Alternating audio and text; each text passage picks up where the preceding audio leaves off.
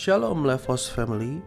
Hari ini kita akan belajar dari Lukas 11 ayat 33 Berbunyi demikian, tidak seorang pun yang menyalakan pelita Lalu meletakkannya di kolong rumah atau di bawah tempayan Melainkan di atas kaki pelita Supaya orang yang masuk dapat melihat cahayanya.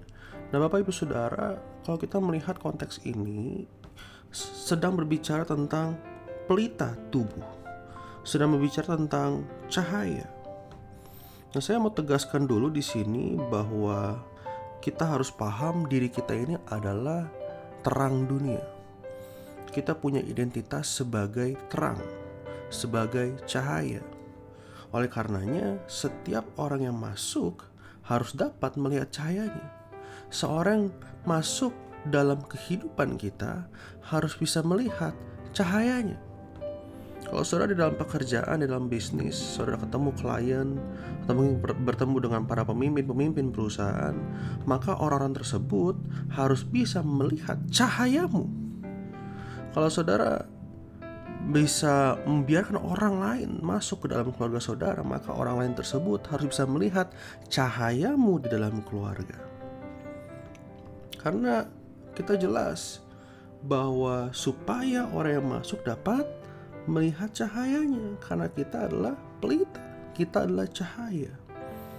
Ayat selanjutnya kita berbicara bahwa matamu adalah pelita tubuhmu. Jika matamu baik, teranglah seluruh tubuhmu. Tetapi jika matamu jahat, gelaplah tubuhmu.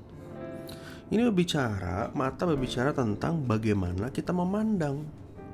Apa yang kita pandang dan bagaimana kita memandang apa yang kita pandang itu berbicara tentang apa yang masuk dalam kehidupan kita, apa yang masuk ke dalam jiwa kita. Apa? Saudara perlu lihat apa yang saudara konsumsi. Bukan makanan tapi pengetahuan apa yang saudara konsumsi dalam hidup saudara.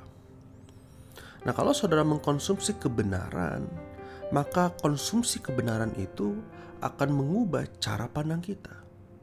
Jadi apa yang masuk dalam hidup kita akan menentukan bagaimana cara kita melihat. Paham maksud saya? Jadi pengetahuan kalau saudara belajar firman, maka pengetahuan firman itu masuk ke dalam hidup kita. Nah, Roh Kudus akan memproses pengetahuan itu menjadi sebuah apa? Sebuah pengertian yang ilahi. Pengertian yang ilahi itu berbicara tentang bagaimana kita memandang.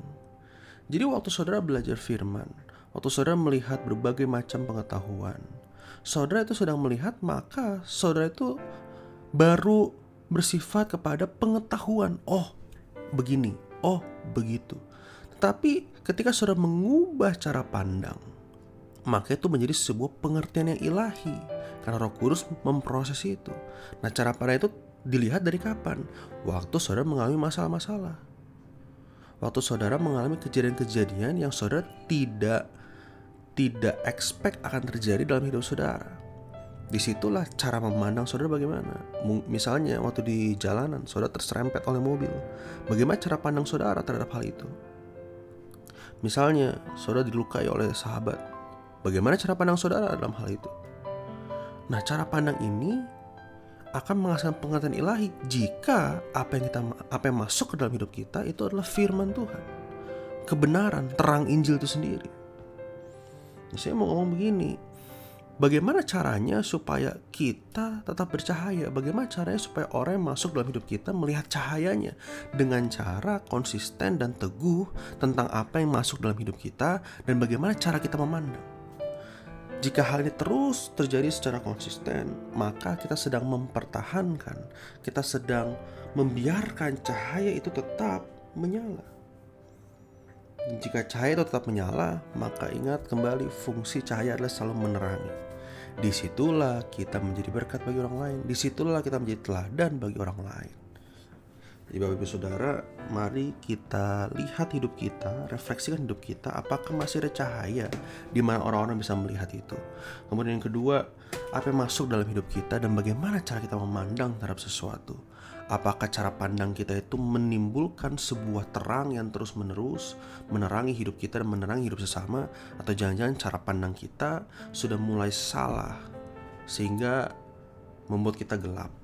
Perhatikan apa yang saudara konsumsi apakah firman, apakah filosofi dunia, supaya jelas cahayamu tetap nampak.